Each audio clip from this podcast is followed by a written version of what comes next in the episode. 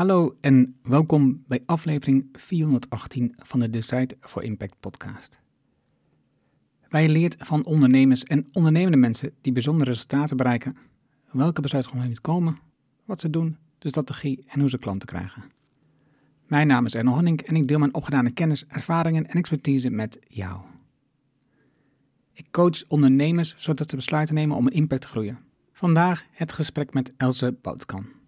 Else werkt aan duurzame transities, systeemveranderingen door te werken in en te bouwen aan samenwerkingsverbanden en innovatieve ecosystemen. Zij startte haar bedrijf Something Else ruim 20 jaar geleden in een tijd dat duurzaamheid nog in de kinderschoenen stond en woorden als betekeniseconomie en circulaire economie nog niet bestonden. Zij nam zich voor alleen nog betekenisvol werk te doen en ontwikkelde zich tot expert op organisatievraagstukken rondom duurzaamheid. Het was een heel mooi gesprek Laten we beginnen. Welkom bij Decide for Impact, de podcast waarin je leert van ondernemers en experts die een positieve, duurzame bijdrage leveren aan mens en omgeving. Met persoonlijke verhalen die je helpen om impactbesluiten te nemen voor jullie bedrijf. Dan nu, jouw business coach, Engel Halling. Welkom in de nieuwe podcastaflevering. Dit keer spreek ik met Else Boutskan. Welkom Else. Dankjewel. Leuk om hier te zijn, Erno. Ja, weer te zijn hè? Ja, weer. Ja. Het uh, vorige gesprek was uh, eh, 16 januari 2020.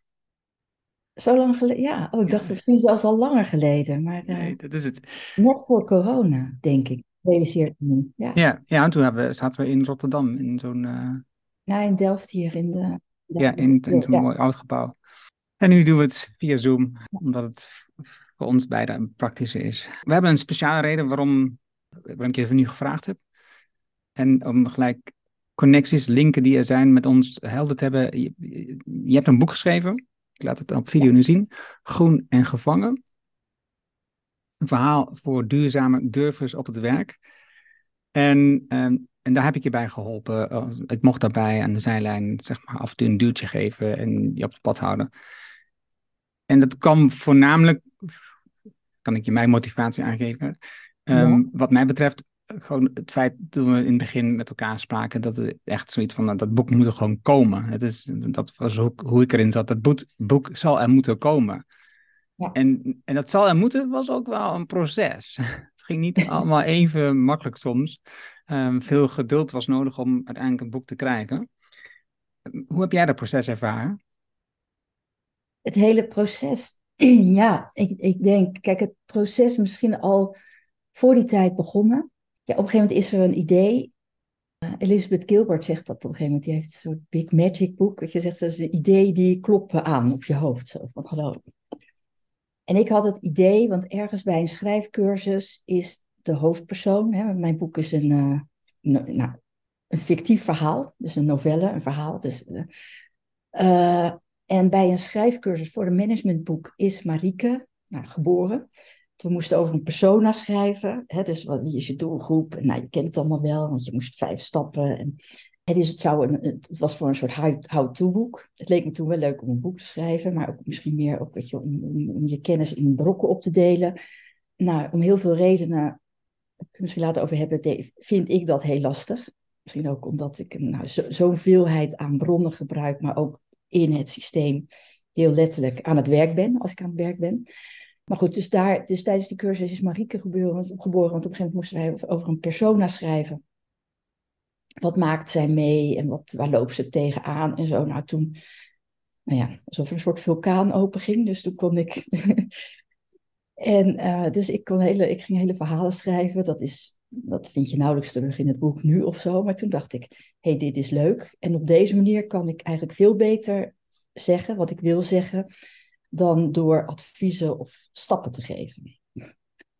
Dus, dat, uh, ja, dus hoe heb ik dat ervaren? Dus toen, toen is dat ontstaan. Maar toen dacht ik, ja, dat is natuurlijk wel heel vreemd en anders. En, dus ik heb dat eigenlijk weer geparkeerd. Ik ben gewoon naar het werk gegaan. En toen, klop, klop, klop kwam dat idee weer. Dat, dus opende ik dat weer op de computer. En uh, weer een stukje geschreven, meer personages erbij. Had ik op een gegeven moment uh, vier personages. Nou, weer afgesloten, weer druk aan het werk. Klop, klop, klop, kwam het idee weer. En op een gegeven moment inderdaad besloten van, nou, nu ga ik het echt afmaken. Ja, dus dat, uh, ik denk dat dat al heel belangrijk is, het besluit nemen. Dat boek gaat er komen.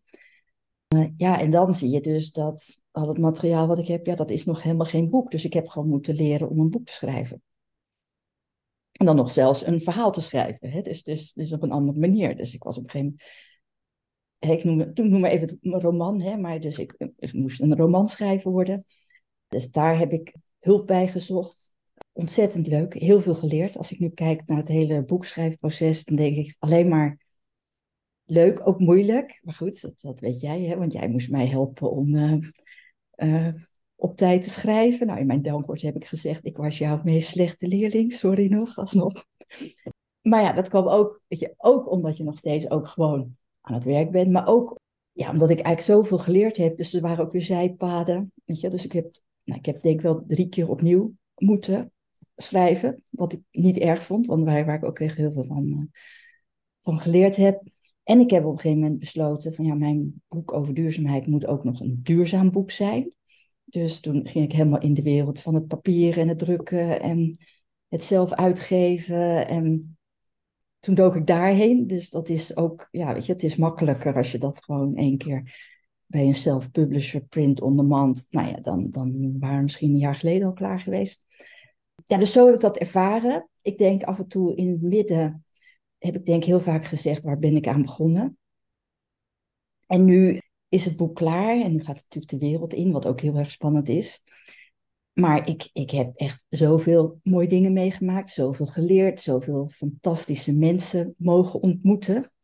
Dus ja, dit is een geweldig avontuur.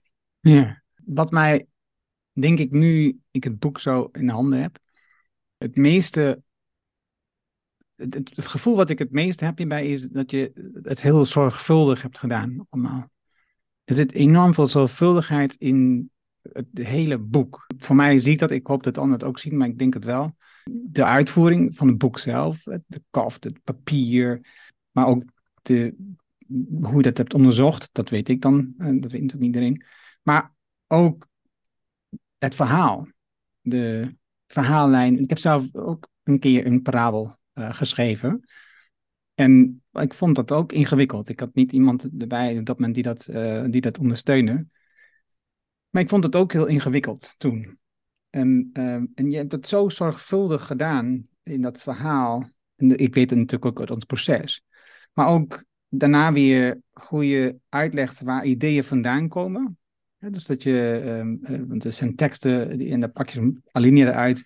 En waar komt dit dan nou vandaan? Bijvoorbeeld het, of het Rijnlands een nieuw Europees organiseren. Um, dan leg je het uit wat het, wat het voor staat, heel kort. En welke boeken we hebben geholpen. En telkens weer, je dankwoord is, is ook anders. Hè? Je, je, de meeste dankwoorden zie je allemaal namen staan van mensen die je bedanken. En jij doet het niet. Jij bedankt iedereen, maar zegt er niet bij wie dat precies is. En dus er zit zoveel zorgvuldigheid in je boek. Dat ik, ik denk dat dat uiteindelijk heel veel oplevert. Um, het heeft heel veel energie en tijd gekost om het zover te krijgen. Maar ik denk dat dat uiteindelijk heel veel oplevert. Dus dank voor jouw zorgvuldigheid en het voorbeeld zijn voor mij wat dat betreft. Ja, mag ik daar ook gewoon nog gelijk iets op reageren? Want, dus, nou, ik vind het een mooi woord, zorgvuldig. Uh, weet je, ik zei net al heel veel bijzondere mensen meegemaakt of zo. Weet je, en ik denk dat het ook heel belangrijk is dat ik met al die mensen, weet je, ook noem ik ze niet of zo, maar wel een hele mooie verbinding heb, een hele mooie band. Weet je, dus dat al die mensen zich ook verbonden voelen met dat boek. Weet je wel? Dus, dus dat ik met redacteurs werk die ook heel zorgvuldig zijn. Weet je wel? Ook omdat, uh, natuurlijk omdat het allemaal uh, vakvrouwen zijn, maar ook omdat ze ook denken van, oh ja, ik vind het ook belangrijk dat dit verteld wordt. Of, of ik, weet je ik vind het belangrijk dat mensen zoals ik, weet je, hun verhaal goed vertellen. Dus, dus ik ga heel precies kijken of dingen kloppen of niet. Ja, en ook bij het ontwerp. Ja, dat best, was ook best een zoektocht. Met ontwerpster Mandy. En trouwens ook weer een heel mooi boekavontuur ondertussen, terwijl ze mijn boek ontwerpen. Een boekwinkel is begonnen met een heel bijzonder verhaal erbij. Dus, nou. Maar dat je echt met elkaar aan het kijken bent van hoe past dat nou? Ja, dus iemand ziet, ik kan niet zeggen van ik vind dit mooi of niet mooi of zo, maar dat is inderdaad een heel zorgvuldig proces. Dat, dat herken ik, dat, dat is mooi. Maar dat, eh, dus dat was even mijn invulling bij dat woord zorgvuldig. Ja. Dus de zorg, de zorg. En dat is een gedeelde zorg. Ja, en de zorg voor, voor een goed proces en de zorg voor samenwerking. En over de inhoud van het boek komen we zo meteen nog wel op terug, links en rechts. Maar dit is wat ik. We hebben, uh, doordat we met het boek hebben samengewerkt, ook heel veel gesprekken. Um, als wij een afspraak hebben over het boek, dan is eerst zeg maar een uur hebben we het over alle andere zaken. En dan praten we nog een kwartier over het boek meestal. Ja. en, dat is, en dat is ook mooi, want we leren van elkaar. En um, ik hoor van jou heel veel dingen. En ook, maar ook die, die zorgvuldigheid en um, het verbinden van mensen, het verbinden van gedachten, het verbinden van ideeën dat hoor ik ook terug in hoe jij werkt. In eh, al het werk wat je doet. Waarbij je ook regelmatig verwijst naar Nora Bateson. Waarbij je soms niet precies weet waar de bron ligt van de verandering, zeg maar. Omdat, je, omdat je allerlei gesprekken tot iets bijzonders kunnen leiden. Ja. Hoe combineer jij nou want, dat, want ik vind dat dus heel bijzonder al sinds wij elkaar kennen, sinds 2010. Eh, heel bijzonder hoe jij dat organiseert. Dat jij telkens weer netwerken vindt, ontdekt, samenbrengt. En daar dan zelf ook jouw werk in uithakt, uh, in, in, in, inbrengt. Hoe doe je dat? Hoe doe ik dat? Ja, ik zeg maar twee vragen. Van hoe, hoe kom ik bij het werk waar ik kom? Of hoe, is, is, hoe, doe ik mijn werk? Mijn werk is uh, op mijn LinkedIn staat programma manager, maar dat is denk ik echt de LinkedIn-term. Laatste werkte ik met een onderzoekster en die noemde dat een uh, ecosystem orchestrator. Vond ik wel een mooi term, want ik denk, ja, dat is eigenlijk wat je doet, hè? je orchestreert. Je, je kan dingen, als je, als je in netwerk of met organisaties of met andere mensen werkt, dan kan je het niet managen.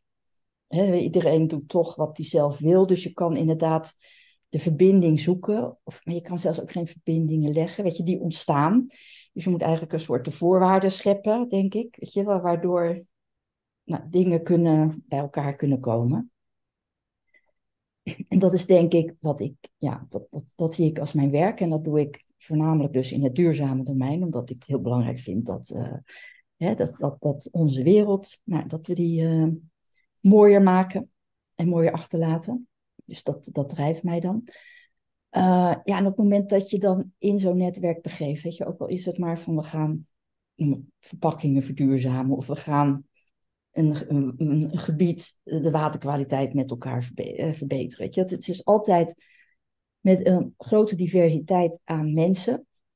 Ja, wat daarin belangrijk is, is dat je A, iedereen, wat net al over die verbinding, hè, dus dat je iedereen, dat klinkt heel, uh, als mens ziet ik denk, ja, dat is voor mij vanzelfsprekend. Hè? Maar je merkt toch vaak dat in vergaderingen dat je zegt, nou, ik ben Elze en ik ben uh, van die organisatie, ik heb die functie. En jij bent Erno en je bent van die organisatie met die functie.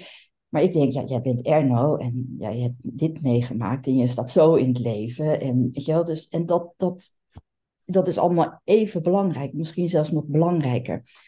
Dus uh, ik probeer altijd ook en dat gaat ook eigenlijk gewoon vanzelf, omdat ik, dat is, omdat ik zelf ook ben, weet je, ook gewoon te, te zien van wie is dat. En ik vind het niet eens zo belangrijk of je de directeur bent of, of iemand anders. Hè. Dat zie je ook in mijn boek terugkomen. Het gaat ook om hoe sta je in het leven en waar, weet je, waar kan je elkaar vinden om een volgende stap te maken. En dat kan op heel veel niveaus, weet je, op heel veel. Uh, dus het gaat veel meer over gedeelde waarden. En dan nog, als ik het zeg, denk ik al, oh, dat zijn weer van die termen, hè, want die waarden in, in essentie gaat het toch om die verbinding tussen mensen. En, en als jij in staat bent om een groep mensen in een organisatie of mensen die tussen organisaties met elkaar werken, ja, die, die mooie verbindingen te realiseren, dan, dan krijg je een ecosysteem, noem het dan toch maar, hè, net zoals in de natuur, waarin uh, ja, mensen gezamenlijk dingen willen bereiken. En het is ook altijd op dat moment gewoon zoeken naar wat daar haalbaar is met die mensen. Dus ook dat kan je niet forceren of managen. Uh, dus, dus dat is uh, hoe ik werk. En dus, dus ik voel me altijd ook onderdeel in het systeem. Dus ik ben niet een, wat ik noem een, een eroverhebber. Daarom ben ik ook niet zo van dit zijn de vijf stappen die je moet nemen. Nou, die stappen die weten we pas op het moment dat we in die organisatie, of dat ik in die organisatie rondloop. Dan zie ik wat daar gebeurt, dan weet ik wat daar speelt. Uh, dan zie ik iemand die wel wil, maar die misschien in een context zit. Dat is ook heel belangrijk. Wat het lastig maakt, vind ik ook altijd heel belangrijk om te weten. Hè? Ook als ik nadien, na individuele gesprekken, mensen bij elkaar zet voor een workshop om dingen verder te brengen, zorg ik altijd dat ik niet alleen die mensen ken, maar dat ik ook goed weet welke context zij opereren. Want dan weet ik ook hoeveel zij kunnen inbrengen of wat, wat uh, nou, de gevangenissen zijn, zoals, dat, uh, zoals ik het in mijn boek noem. Ja, dus, dus zo. En hoe vind ik die plekken? Dat heeft te maken met wat ik zelf belangrijk vind. Dus die, die plekken vinden mij ook of zo. Dat, gaat, ja, dat is gewoon mijn eigen zoektocht. Dus ook mijn, uh, ja, dus, dus dan praat je met die of dan kom je die tegen. Zo kom ik ook vaak in, uh, in projecten verzeild. Als ik nu, als ik nu zo over praat, denk ik dat het misschien heel wollig, maar ik hoop dat dat toch wat helder is. Nee, ik ben, dus ik ben dan benieuwd, want je bent afgestudeerd eh, op, op een meer technische zeggen, fundament. Ja. En dit is eigenlijk een heel uh, ja, natuurlijke of um, uh, menselijke aanpak zou je kunnen zeggen, maar ja, dan kun je ook gewoon zeggen natuurlijke aanpak, dat zou je ook kunnen zeggen. Ja. Hoe zie je dat, hoe jij, wat je hebt geleerd met je afstuderen, want dat heeft natuurlijk heel veel waarde, die, die kennis die je hebt, eh, maar die dan op een bepaalde manier toch in projecten, in, in, in groepen, in gesprekken uh, zo brengt dat het uiteindelijk gaat over het samenspel van die mensen, wat je net beschreef. Hè? Dus dat je kijkt naar al die uh, dingen die die mensen bezighouden en de verbindingen en de gevangenissen en al die zaken die, die, waar, waar ze in zitten. En terwijl je eigenlijk een vrij rechtlijnige achtergrond hebt met, met feitelijke kennis. Ja, dat klopt. Nou goed, ik loop de aanloop een tijdje mee. Hè? Dus de School of Life is ook een belangrijke component.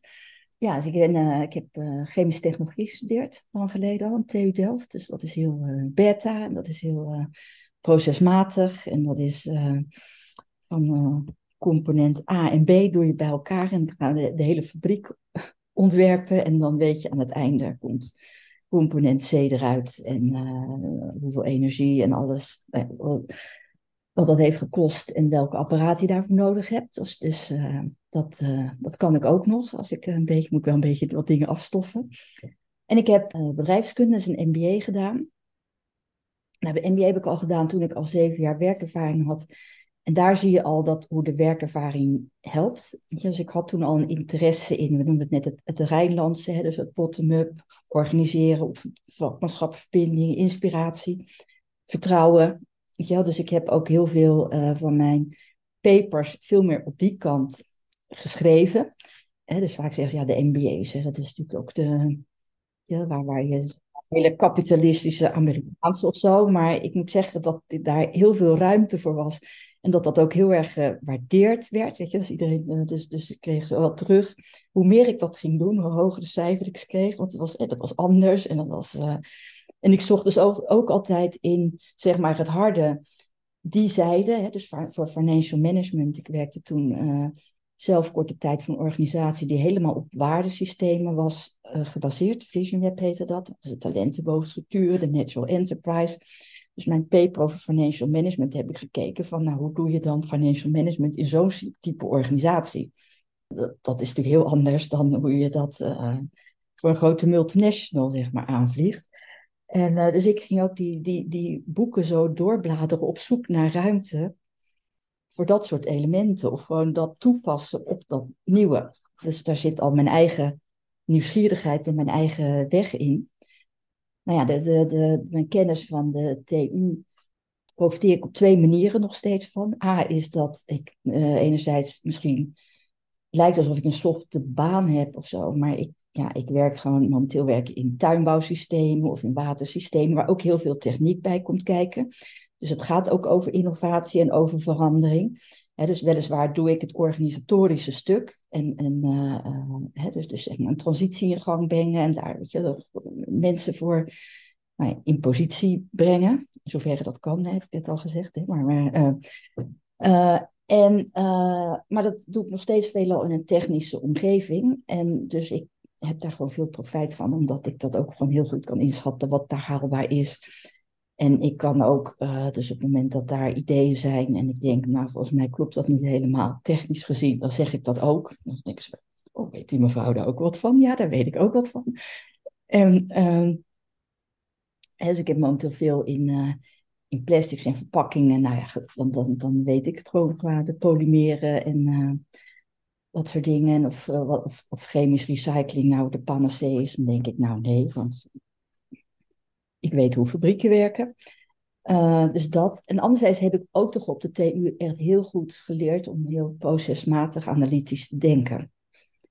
En daardoor kan ik ook wel, dus enerzijds werk ik natuurlijk wel op, ja, je werkt altijd met wat er is, zeg ik maar. Hè? Dus qua mensen en ideeën en contexten die er zijn. En dan kijk je wat er kan. Anderzijds kijk ik wel vooruit. Dan denk ik, oké, dan hebben we dus met deze, weet je, hier kunnen we dit realiseren. Ik probeer altijd wel met een groep, zeg maar, ook tot concrete actie te komen. Dan zou een volgende stap idealiter dat kunnen zijn. Weet je, dus op het moment dat je maar in die arena, in die systeemarena stapt, weet je, dan kijk je ook wel naar de kans voor die volgende stap. Dus, dus zo'n proces heb ik toch ook wel op het netvlies. Alleen ik heb daar wel, ik weet dat dat geen blauwdruk is anders dan een fabriek of zo, weet je wel. Maar ik kan, uh, dus, ja, en soms zeg ik ook wel eens van, ja, je hebt chemie. Hè? En chemie is ook de verbinding. Dus uh, moleculen, mensen. We zijn natuurlijk één, uh, één grote omhulsel van moleculen. Precies, precies. Weet je wel? En wat je dan bij de TU niet zo leert, is van dat, nou ja, daar leer je wel allemaal wat het bindt. Nou goed, daar zijn, uh, er zijn veel meer dingen wat uh, mensen bindt uh, dan wat we leren in chemie. Als je kijkt naar het verhaal in je boek, hè?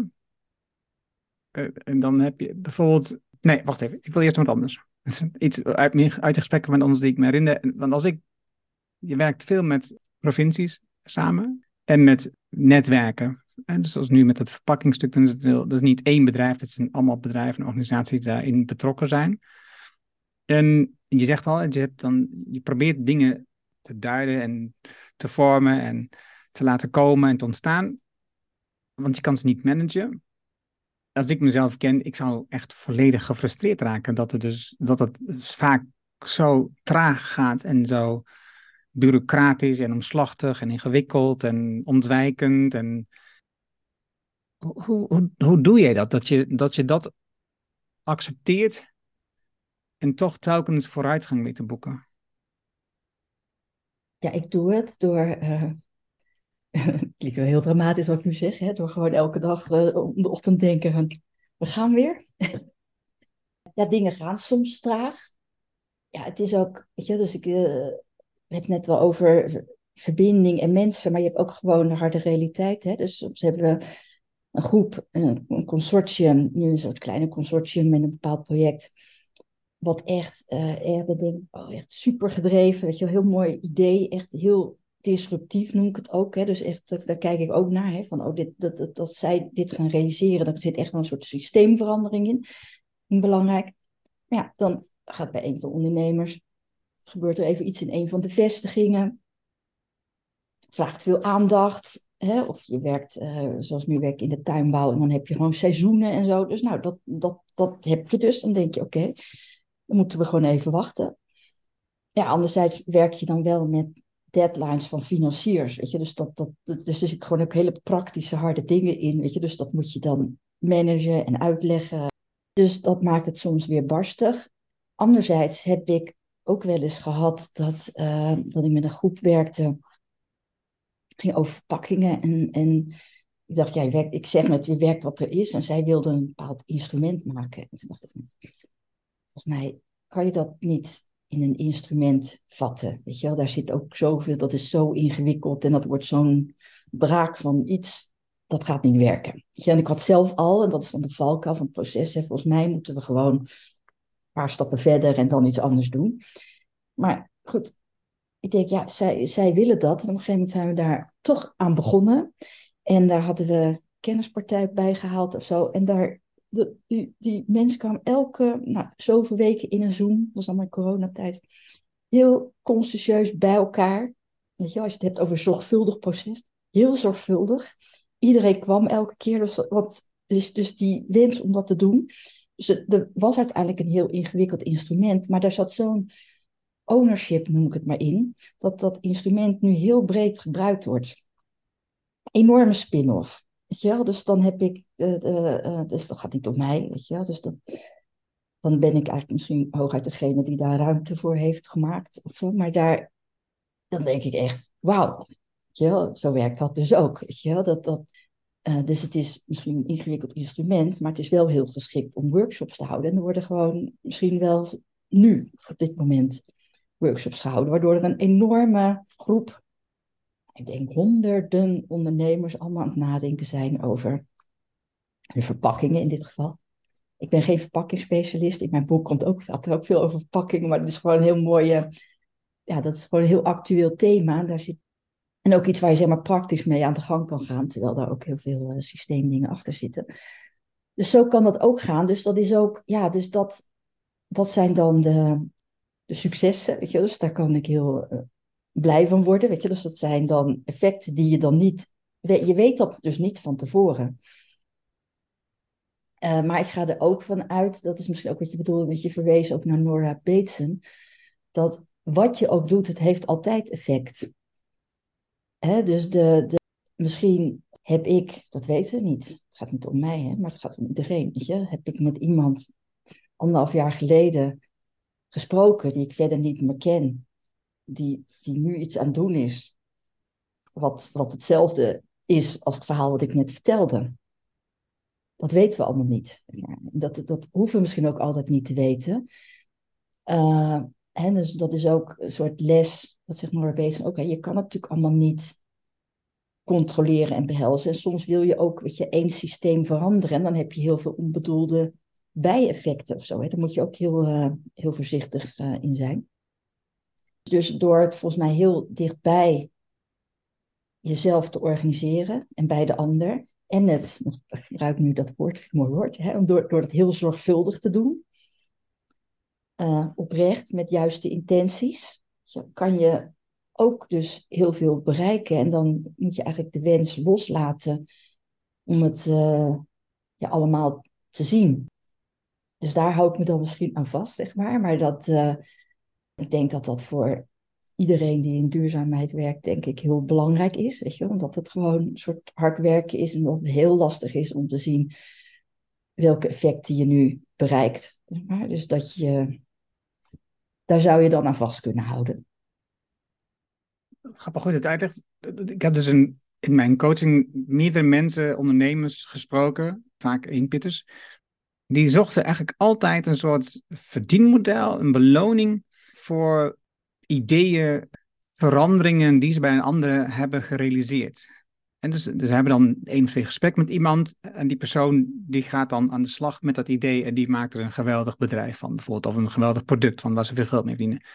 En dan hebben ze het gevoel dat ze daar eigenlijk te weinig van meekrijgen, van die waarde die uh, is gerealiseerd op dat moment. Dus, en, en ik zie dat dus bij jou, uh, in jouw verhaal hoor ik dat heel anders. Hè? Dus het is, uh, jij laat veel meer los wat het mogelijke resultaat zou kunnen zijn. Weet je, dus je hebt gesprekken en je weet niet. Dus, oh, oh, laat maar kijken naar de gesprekken die je hebt rondom het boek. Hoeveel mensen je wel niet gesproken over de verpakking van je verhaal. Dus de vorm van je, de uitvoering van je boek.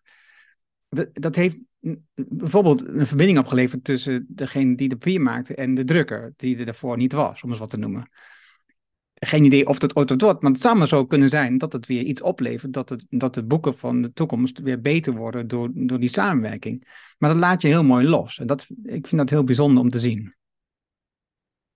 Ja, het heeft denk ik als eerste, want je zei in het begin iets over je laat het los wat. Ik werk wel met een intentie, zeg maar. Weet je? Dus dat, dat ik hoop Weet je, dus ik heb ook in mijn voorwoord van mijn boek geschreven van, weet soms lees je een boek op het juiste moment of zo. Dus dat, daar zit dat in. Weet je, dat is wat anders. Dus ik, hè, er zullen mensen zijn die dat boek lezen en die denken, ja, nou, leuk verhaal.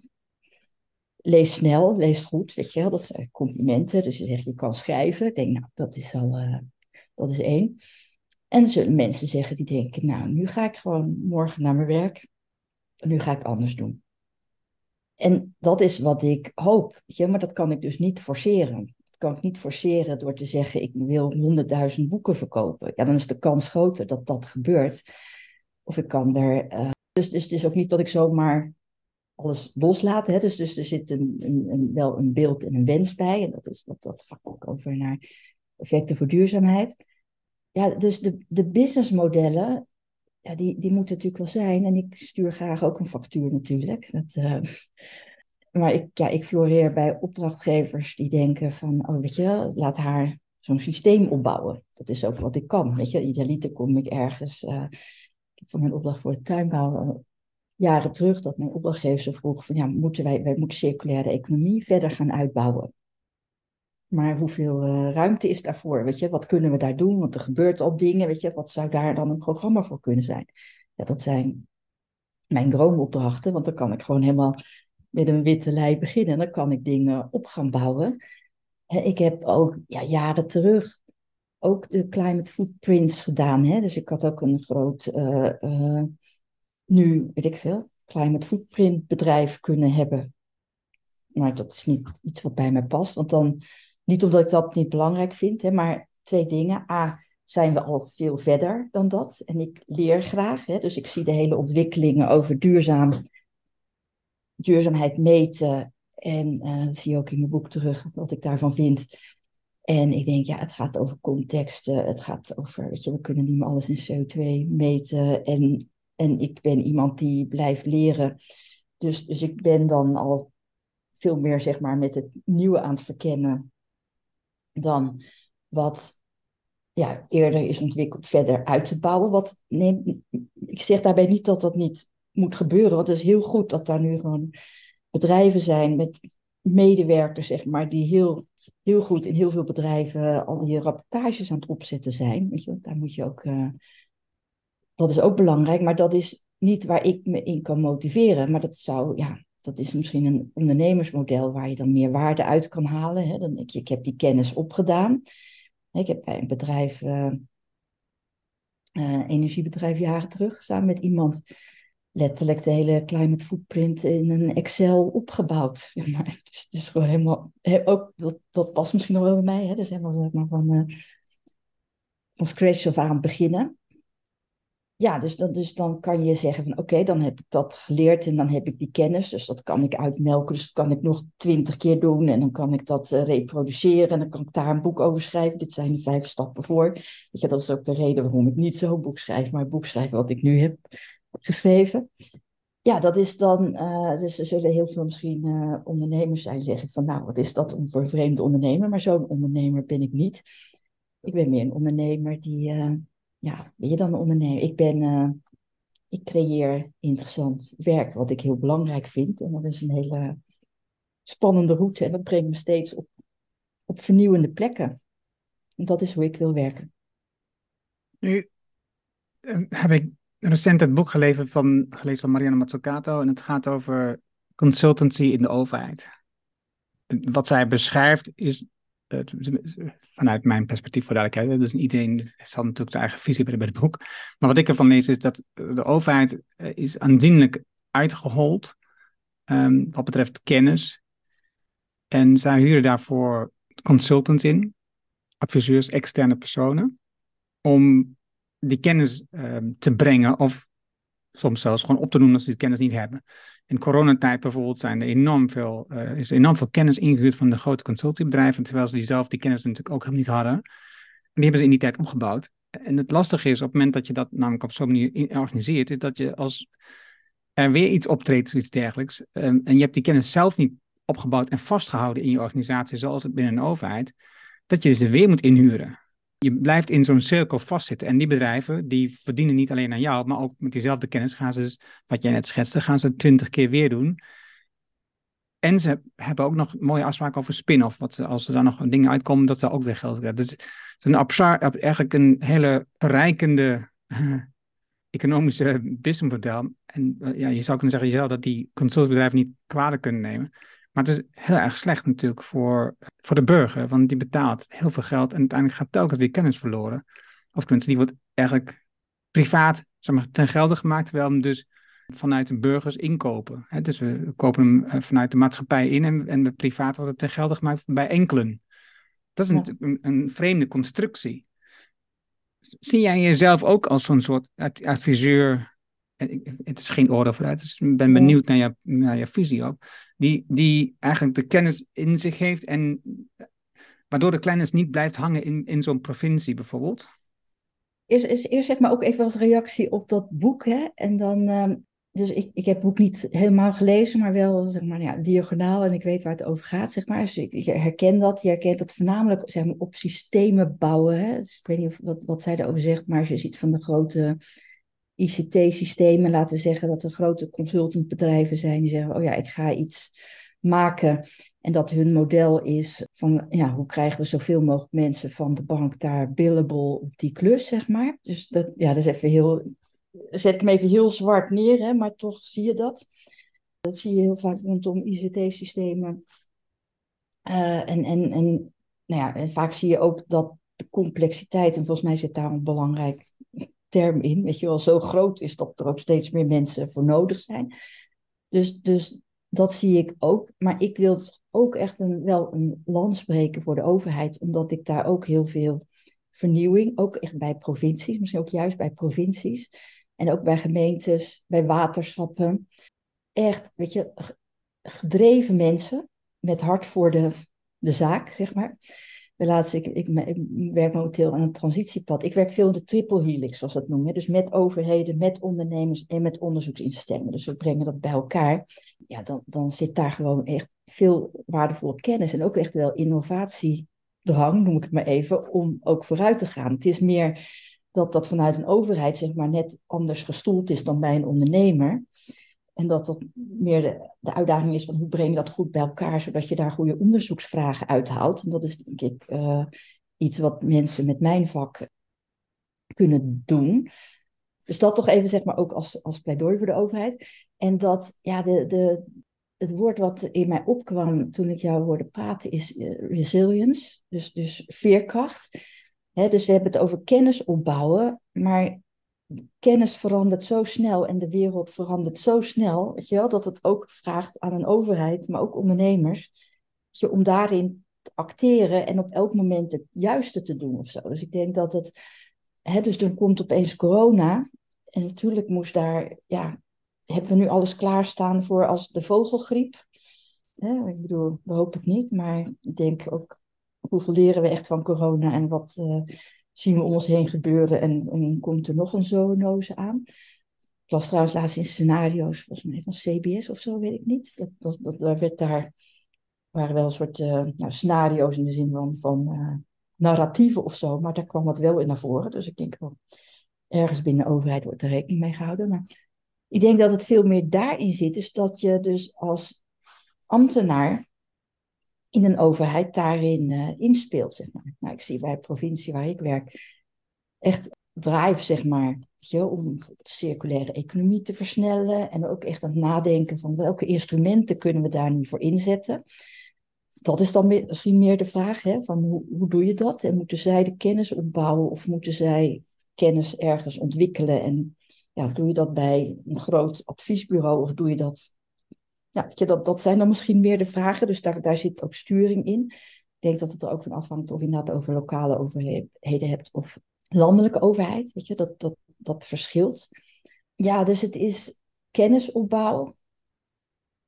Ja, ja maar, maar elke keer weer de nieuwste kennis je nemen en dat kunnen toepassen in wat er hier en nu nodig is, dat is denk ik de allerbelangrijkste deel. En als we dat, dat is denk ik wat er nodig is. We zien ons de urgente problemen die er zijn en snelheid waarmee dingen gaan. Uh, ja, misschien zetten daar uh, de, die grote clubs dan weer meer buiten de deur. anders kan je ook zeggen, ja, die grote ICT-systeem heb je ook nodig. Soms denk ik ook wel eens van, hebben we daar niet ook een soort systeemgrens mee bereikt? Weet je wel? Hoe kunnen we daar nog mee beheersen? Of moeten we dat decentraliseren? Of dus, dus dat is hoe ik er naar kijk. Ik voel me daar zelf Wat wil jij vragen? Of ik, nou ja, ik doe dat in ieder geval zelf niet. Want ik werk met wat er is. En ik denk, ik heb uh, geen honderd mensen in dienst die ik daar ook allemaal ergens neer kan zetten. Dus ook als ik met de overheid werk, of voor de overheid, hè, want vaak werk ik, moet ik zeggen dat ik ook vaak ook door overheid ook betaald word, juist voor die vrije rol. En dat, is, dat zegt al heel veel. Ja, dan zoek je dus naar die, uh, naar die, naar die slimme, meest disruptieve weg. Ja, overigens, het boek ging verder dan alleen de ICT. Het ging ook bijvoorbeeld om alles op te zetten rondom corona en de hele organisatie van al die mensen die met de, met de prikken en de testen een heleboel dingen gingen. Uh, het ging verder dan. Het ging veel verder dan ICT. Het ging ook echt over heel specifieke kennis. In jouw boek, want je had het net over dat kennis blijven vergaren. Telkens nu, daar heb je het ook over met Marike. Marike, die, net zoals jij natuurlijk, die zie je dat die dus op. Um, dat zie je met name in het einde. Als, in, ik geloof dat dat in je epiloog naar voren komt. Waarbij Van Pelt nog in het boek zit te lezen en denkt: ik moet het opschrijven. Maar dan zie je dus dat zij dus die kennis uit allerlei verschillende ja, gremia, uh, toevallig ontmoetingen haalt en daar dan weer een verdieping in zoekt. En denkt, oh, dit is interessant, ik snap hier te weinig van, laat ik dit eens onderzoeken. En dat zag je natuurlijk ook bij de andere hoofdrolspeler. Uh, Hakim die doet het ook, maar dan een iets andere manier. Maar, maar dan nog, uh, hij vergaat ook heel veel kennis en doet met die kennis ondernemen ze acties in een, in een systeem wat eigenlijk behoorlijk ja, eigenlijk al, ik wil zeggen vast is niet helemaal waar, want ze veranderen wel, maar dan meer op die, ik vind het altijd meten op, het, op, dat, op die, eh, die, die nieuwe gedachten over hoe je het beste, zeg maar, schematisch zou kunnen aangeven hoeveel vooruitgang wij boeken. Ja. In plaats van werkelijke vooruitgang boeken. En de verpakking die met 5% eh, in gewicht is afgenomen, is wat te noemen. Hoeveel dat, hoeveel dat wel niet oplevert. Ja.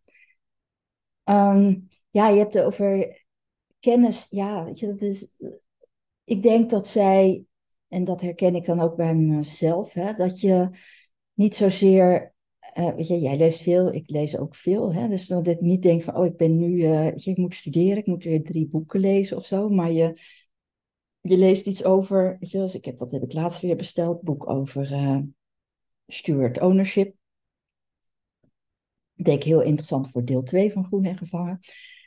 Eh, dus daar lees ik over, denk ik, oh, dat is voor mij interessant. Weet je? Dus je hebt een bepaalde antenne uitstaan. Dus volgens mij is het meer kennis, honger. En dan, of, of, of misschien zelfs meer de honger naar dat je ziet wat jij, nou ja, dat je, dat je een bepaalde visie of hoop of wens hebt. En dat dan, ja, als vanzelf, natuurlijk niet als vanzelf, want je moet naar die podcast luisteren, je moet die artikelen lezen. Je kan ook op de bank gaan Netflix of zo. Maar wat ik ook wel eens doe hoor. Maar ja, dat, dat, dat komt dan langs en denk je, oh ja, dit is, dit is gewoon iets wat ik wil weten. Dit is voor mij relevant. Weet je? Dus dat, dan zijn gewoon puzzelstukken die op zijn plaats vallen voor ja, een beeld wat je hebt of zo. Dus dat is, dat, dat, dat, weet je, dus kennis en leren, dat is je nu ook in de scholen. Weet je? Dat klinkt dan zo, ik moet zoveel leren en dan kan ik...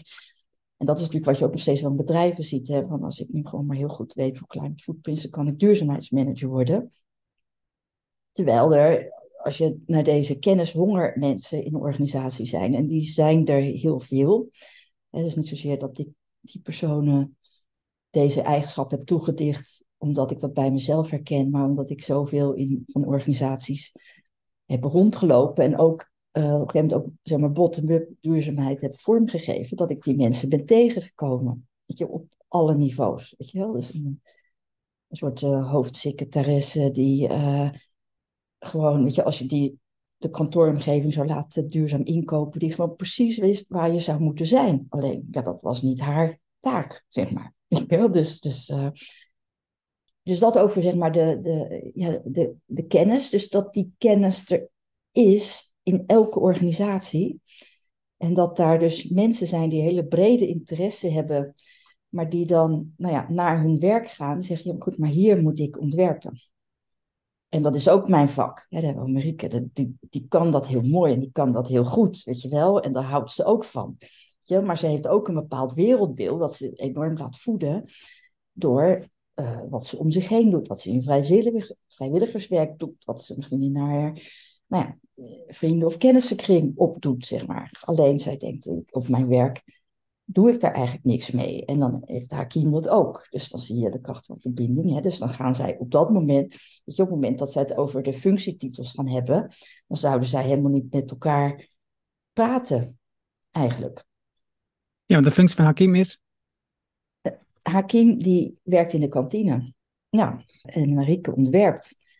En omdat Marieke ook vrijwilligerswerk doet en dat op een gegeven moment in de, in de werk zeg maar daarover kon adverteren, weet je, blijkt dus, dan zie je ook welke mensen daar dan komen en dan denk je, hé, hey, daar, daar, daar, daar zit dan een soort verbinding en dan dat ze een ander gesprek voeren, gewoon bij het koffieapparaat. Het klinkt heel clichématig, maar zo werkt het dus wel. En dan over uh, in de kantine waar ik op een gegeven moment letterlijk van in mijn boek zeg, waar de namen en rugnummers er dus niet toe doen. Want waar iedereen koffie komt drinken of een broodje komt halen, wat we allemaal als mensen zo af en toe willen doen, dan kan je dat andere gesprek voeren, zeg maar. En dan komen er ook, andere ideeën naar boven. Waarom? Omdat dan mensen die hele volle bagage mee kunnen nemen. Dus het is eigenlijk heel jammer dat de organisaties daar heel weinig mee doen. En inderdaad, aan het einde, dus bij de epiloog, hè, zegt de directeur van, uh, komt dat, hoe, ja, hoe kom je daarbij? Nou ja, ik weet niet precies meer uit mijn hoofd wat zij zegt, maar eigenlijk dus dit, ja, dat gaat vanzelf. Want als je dat belangrijk vindt, dan, uh, dan, dan ben jij een soort kennisspons op dat vlak. Ja. Ja, dat herken ik zelf ook natuurlijk enorm. Als je, als je met een onderwerp bezig bent en dan, eh, dan, ik lees er iets over op LinkedIn of zo, van iemand die zegt iets over. En dan hoor ik dat, denk, oh, dan denk ik, oh, wat een interessant onderwerp. Ik wil er meer over weten. Zo, zo was ik al een tijd geleden in gesprek geweest met de auteur van een boek van, um, over die, die de nieuwe vorm van ondernemen. Het is niet de nieuwe vorm van ondernemen, het is een hele oude vorm van ondernemen eigenlijk. Steward ownership.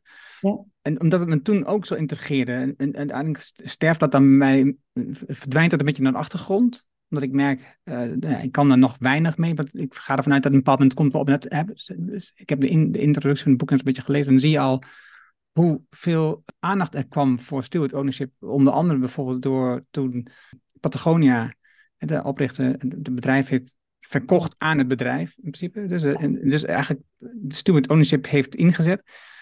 En in mijn gesprek met, uh, voor de boekenkaas met Tom van Lubbe hebben we vaak ook van dit soort bedrijven behandeld, voornamelijk Duitse bedrijven zoals Brown en Zeiss en zo. Dat zijn bedrijven die ook al op die vorm, manier zijn georganiseerd.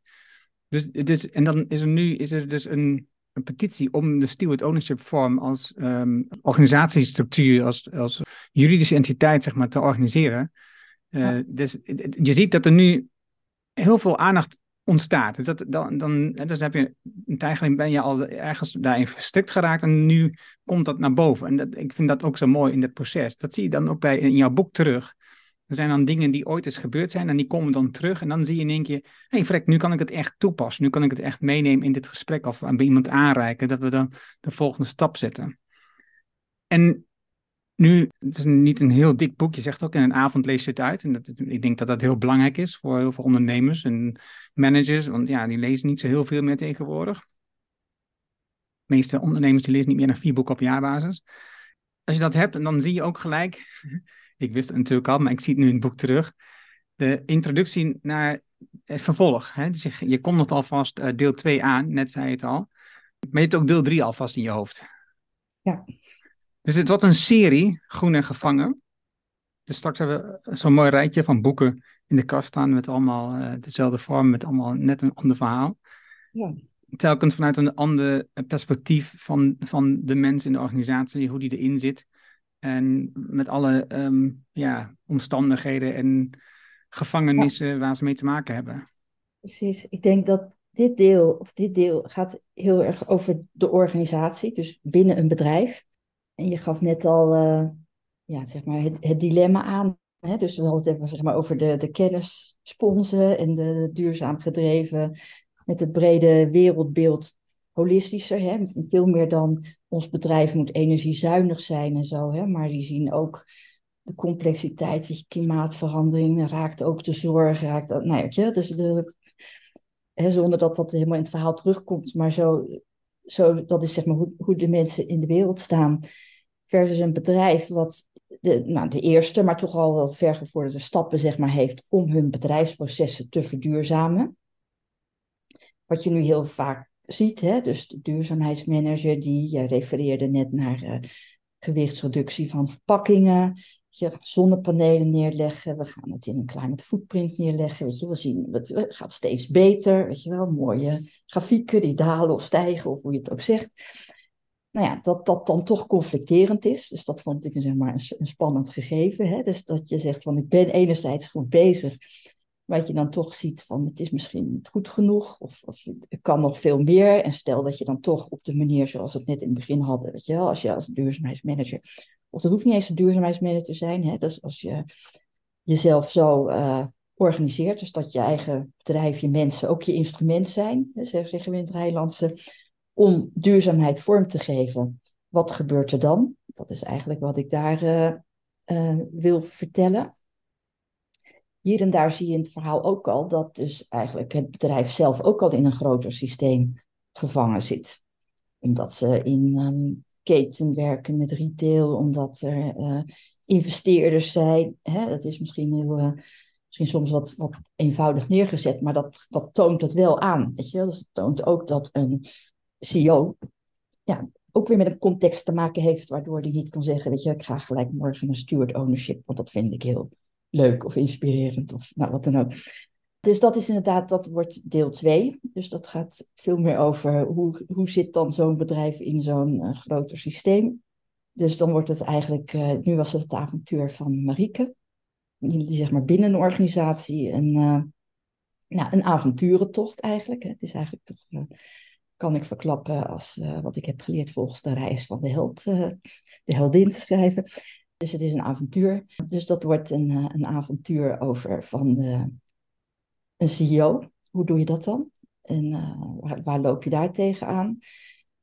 En wat ik zie, we hebben het steeds over de verbinding. En ik zei net de chemie tussen mensen. Dus ik, een van mijn hobby's noem ik het bijna, is dat ik me verdiep in ja, we hebben het heel veel over meetbare dingen, maar over niet meetbare. Dat klinkt een beetje zweverig, hè? maar jouw vorige podcast ging over systeemopstellingen. Dat ging over. Uh, nou ja, weet je, dus, dus, dus eigenlijk wat je doet op het moment dat je zegt van ik werk in zo'n ecosysteem en ik verbind mensen en, en het raakt, weet je wel. Dus ja, wat gebeurt er dan?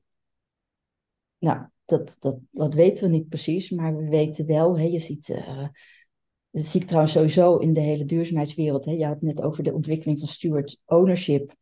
Dat ik echt zie van uh, in mijn meer dan twintig jaar dat ik daarin werk, hè, was het eerst inderdaad over uh, CO2 meten. En op een gegeven moment gaat het over een circulaire economie. En dan gaat het over ketensamenwerking. Weet je, dus je ziet die complexiteit voor die aanpak toenemen. Hè. Je ziet nu, nou ja, je een heel grote stroming ontstaan over bewust zijn en bewustwording. En dat gaat dan niet alleen om van ik ben bewust dat er een probleem van duurzaamheid is, maar hoe je bewustwording, hè, kijk naar de Theory U van Otto Scharmer, hè, dus daar gaan ze ook, daar zeggen ze ook van we willen eerst met elkaar in, nou, in een bepaalde verbinding, noem ik het maar even, tot elkaar komen. En dan pas kunnen we tot hele nou, echt vernieuwende co-creatie komen. Nou, dus ik, ik vind dat interessant. Ik zie dat dat werkt. Hè? Dus, dus daar ook mijn, mijn persoonlijke benadering. En ik heb met een aantal mensen van, ja, wat gebeurt daar dan precies? Weet je, op de bodem van die U. Ik vind niet zozeer belangrijk om dat heel precies te weten. Ik vind het wel, ik denk wel dat daar een hele belangrijke weg zit voor ons, zeg maar, om nou ja, uit te komen waarin we nu zitten, noem ik maar even. Hè? Dus, dus, dus om tot andere systeemverandering te komen. Dus dat het veel meer gaat over onze gezamenlijke mentale modellen. Want als we op de oppervlakte blijven van die gevangenissen, dan zullen we dat niet redden. Dus daar denk ik wel dat mijn deel 3 over gaat. Hmm. Nu je dat ook hebt over dat innerlijk werk, pagina 108 van je boek heb je het over inner work en journaling. Dat, dat, zie, dat zie je een beetje terug, eh, zeker in de epiloog, waarbij Van, Bel, van Pelt dat boek heeft, de CEO, eh, wat een journal is, waar hij dus dingen kan opschrijven, wat Marieke ook vertelt hoe zij het dan doet. En hier staat, de subtitel ook van het verhaal is, geen transitie zonder persoonlijke transformatie. Nou, we hebben het zelf al een paar keer gehad over de Inner Development Goals uh, in onze gesprekken. Niet in dit gesprek, maar over ons gesprek. Maar, hier verwijs je onder andere naar het werk van Brigitte van Tel, uh, die ik natuurlijk ook, ook goed ken. En naar The Miracle Morning van uh, Hal Elrod. Waarbij ja. dus journaling een belangrijk onderdeel speelt. Omdat nou ja, schrijven, om, journaling, ja, voor veel mensen wordt het als een wat vreemde hobby beschreven misschien of zo. Maar ik, ik haal het vaak aan omdat het voor mij in ieder geval, en ik ben benieuwd ook voor jou dat werkt, een, een manier is om gedachten die ik heb als ik vastloop in mijn gedachtenval, dat ik dan kan uitschrijven en dat ik wat meer, misschien niet, niet in één keer ook, niet in één dag, maar in, in weken misschien wel, um, zicht krijg op wat is nou eigenlijk de samenhang van dit en waar komt het van en wat zou dan de volgende stap kunnen zijn. En, en dus eh, ik heb het wel, ja, ik heb het wel met meerdere mensen over hoe journaling hen zou kunnen helpen om daar een stap in te zetten voor hunzelf. Ja. Ja, het is een van de manieren. Hè? Dus, dus, dus je zei het van, eh, dus eerst over de, de zin, hè? geen transitie zonder persoonlijke transformatie. Hè? Dus dat, ik had laatst nog iemand over verschil tussen transitie en transformatie of wat dan ook. Hè? Maar ik bedoel dat er ergens een soort, ik noem het maar even, innerlijke shift ontstaat. Hè? Dus, dus uh, kleine spoiler, hè? Maar, maar je ziet in, als je goed naar het verhaal leest, dan zie je ergens dat Marieke op een gegeven moment ergens een besluit neemt. Ik ga nu anders naar mijn werk. Morgen ga ik anders naar mijn werk. Ja, is dat, je, transformatie, dat kan bijna klinken van wauw, weet je, soms moet er iets, weet je, maken mensen iets heftigs mee. Dat zijn vaak de die je leest. Hè, dan wauw, en toen zag ik de wereld heel anders en toen ben ik dit gaan doen. Hè, maar, maar zoiets, dat kan dus ook heel transformatief zijn. Dat is, en dat is voor zo iemand eigenlijk gewoon heel spannend en eng. En uh, weet je wel, dat, dat is misschien voor een andere lezer, denk je, nou ja, wat is daar nu aan en zo. Maar dat, weet je, en als dat dan goed uitpakt, dan ben je dus veranderd in een, op een bepaalde manier. Hè? Dus dan denk je van oké, maar zo, ik kan nu met mijn volledige zelf in dit geval naar mijn werk toe gaan en ik, ik kan daar ook uh, effecten mee bereiken.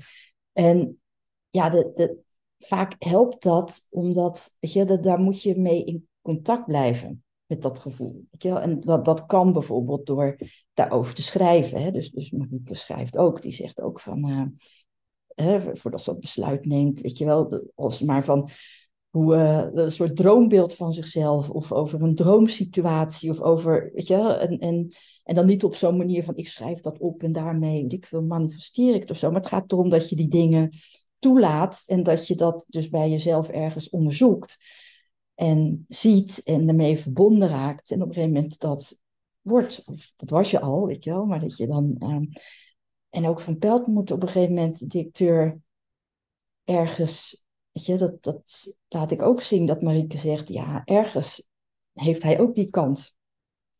Ja, hij moet dat op een gegeven moment ook ergens toelaten, zeg maar, voordat hij een, nou ja, ja zegt op een plan. Hè? Dus iemand, je kan, als je daar geen gevoel voor hebt, kan je misschien lezen van, nou, eerst vond hij dit, nu vond hij dat.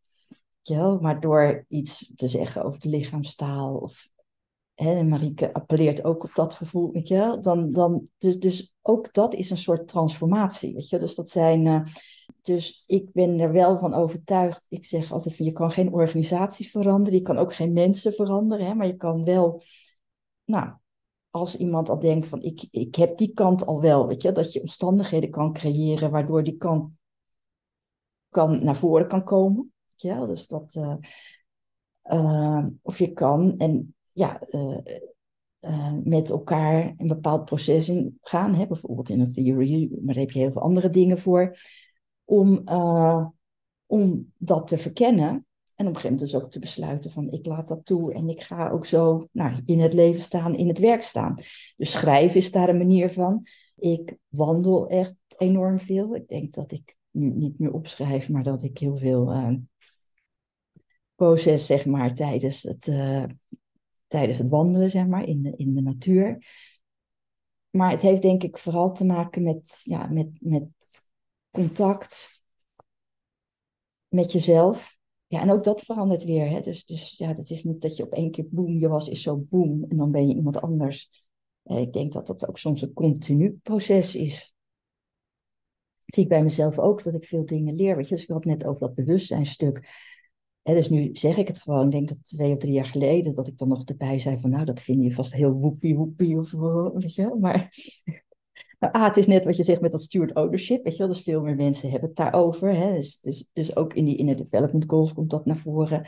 Ik heb bij Nora Bates een, uh, trainingen gedaan waar het niet eens zozeer zo benoemd wordt, maar waar het daar wel eigenlijk ook over gaat.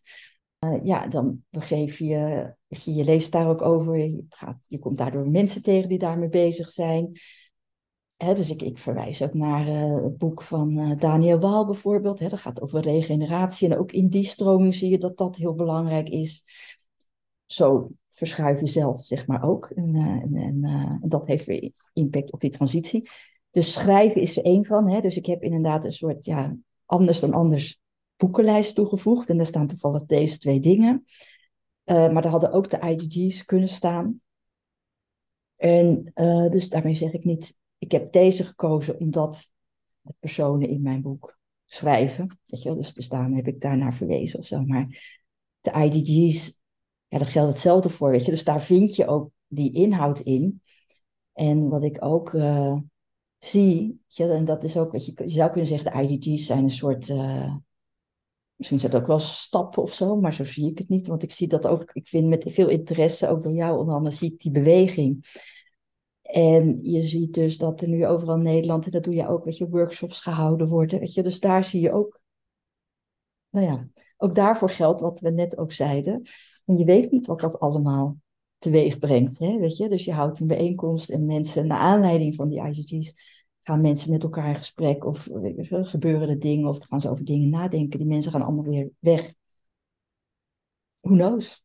Ja, ja. Voor de mensen die nu denken, ik weet het echt niet meer, ik zoek wat duidelijkheid, ik zoek wat richting. Waar gaat het boek nou echt over? groen en gevangen.nl. Daar vind je het boek rechtstreeks. En anders ga je naar elseboutkamp.nl. De links staan ook in de show notes. En het is echt een heel mooi verhaal. En ik, ik, ik mocht het toen in eerste instantie al lezen in de, toen nog niet helemaal klaar was. In een soort pre-fase. Ik, vond het toen al heel mooi en het is echt alleen maar beter. Gewoon, ik, vind het echt, ik vind het echt een heel mooi verhaal. En ja, wat je al zei, je leest het eigenlijk zo uit. Je leest het ineens, alle hoofdstukken zijn heel kort, dus je kan ook zo stoppen. Maar je, leest het eigenlijk gewoon achter elkaar door heel gemakkelijk. En dat is voor de meeste mensen, uh, als je niet veel leest, uh, fijn. En sowieso, een verhaal, een boek is sowieso fijner dan een heel theoretisch boek voor de meeste mensen. Want ja, we houden als mensen helemaal van verhalen. En dat zorgt ook weer voor dat je het makkelijk kunt vertellen aan een ander. Als het in een verhaalvorm is, hoef je niet je eigen verhaal te maken. Je hebt, je, hebt het verhaal eigenlijk al. Dus ik denk dat het heel mooi is gedaan. En wat dat betreft, uh, mijn uh, aanbeveling, zeg maar, om het te kopen, die, uh, nou, die was er bij deze. En ik nou, dank je wel voor opnieuw dit gesprek. En vast tot een volgende keer. Want ja, jouw volgende boek komt sowieso, maar ook al, elke keer weer onze gesprekken hebben weer aanleiding tot nieuwe inzichten. En dus bijvoorbeeld de reïncarnatie van Daniel Waal. Ik ben Daniel Waal natuurlijk daardoor gaan volgen op LinkedIn toen jij hem noemde. En zijn boek staat in mijn lijstje. Dus dat zijn allemaal dingen die ik dan ook weer meeneem. En heel vaak verwijs ik nu, naar aanleiding van onze gesprekken, naar uh, Nora Baton. Over het ontstaan van kennis tussen mensen. In plaats van dat je als individu die kennis hebt. En jij vertelt er dan meer over, dan leer ik weer meer daarvan.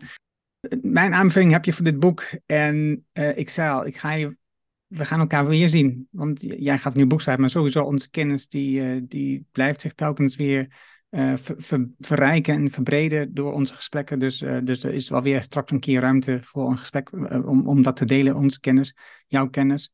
En nou, dankjewel, Elsa. Ja. Nou ja, dankjewel jij dat ik hier mocht zijn. En als laatste dat jij met je podcast door nou ja, mij, maar ook weet alle anderen zo in gesprek te gaan, dat draagt natuurlijk ook weer bij tot dat hele proces. Dus dank jou wel daarvoor. Dat was het mooie gesprek met Elsa. Je vindt de namen en links die we noemden in het artikel dat bij deze uitzending hoort. Ga daarvoor naar de site voor impact.com slash show 418. Wil je vanzelf automatisch de volgende aflevering van deze podcast op je telefoon ontvangen? Dat kan heel eenvoudig. Heb je een iPhone, dan zit daar standaard de Apple Podcast op. Open deze app, zoek de, site voor Impact Podcast op en klik op abonneer. Heb je een Android-telefoon? Installeer dan eerst bijvoorbeeld de Player FM app. Zoek daar de site van Impact Podcast op en klik op abonneer.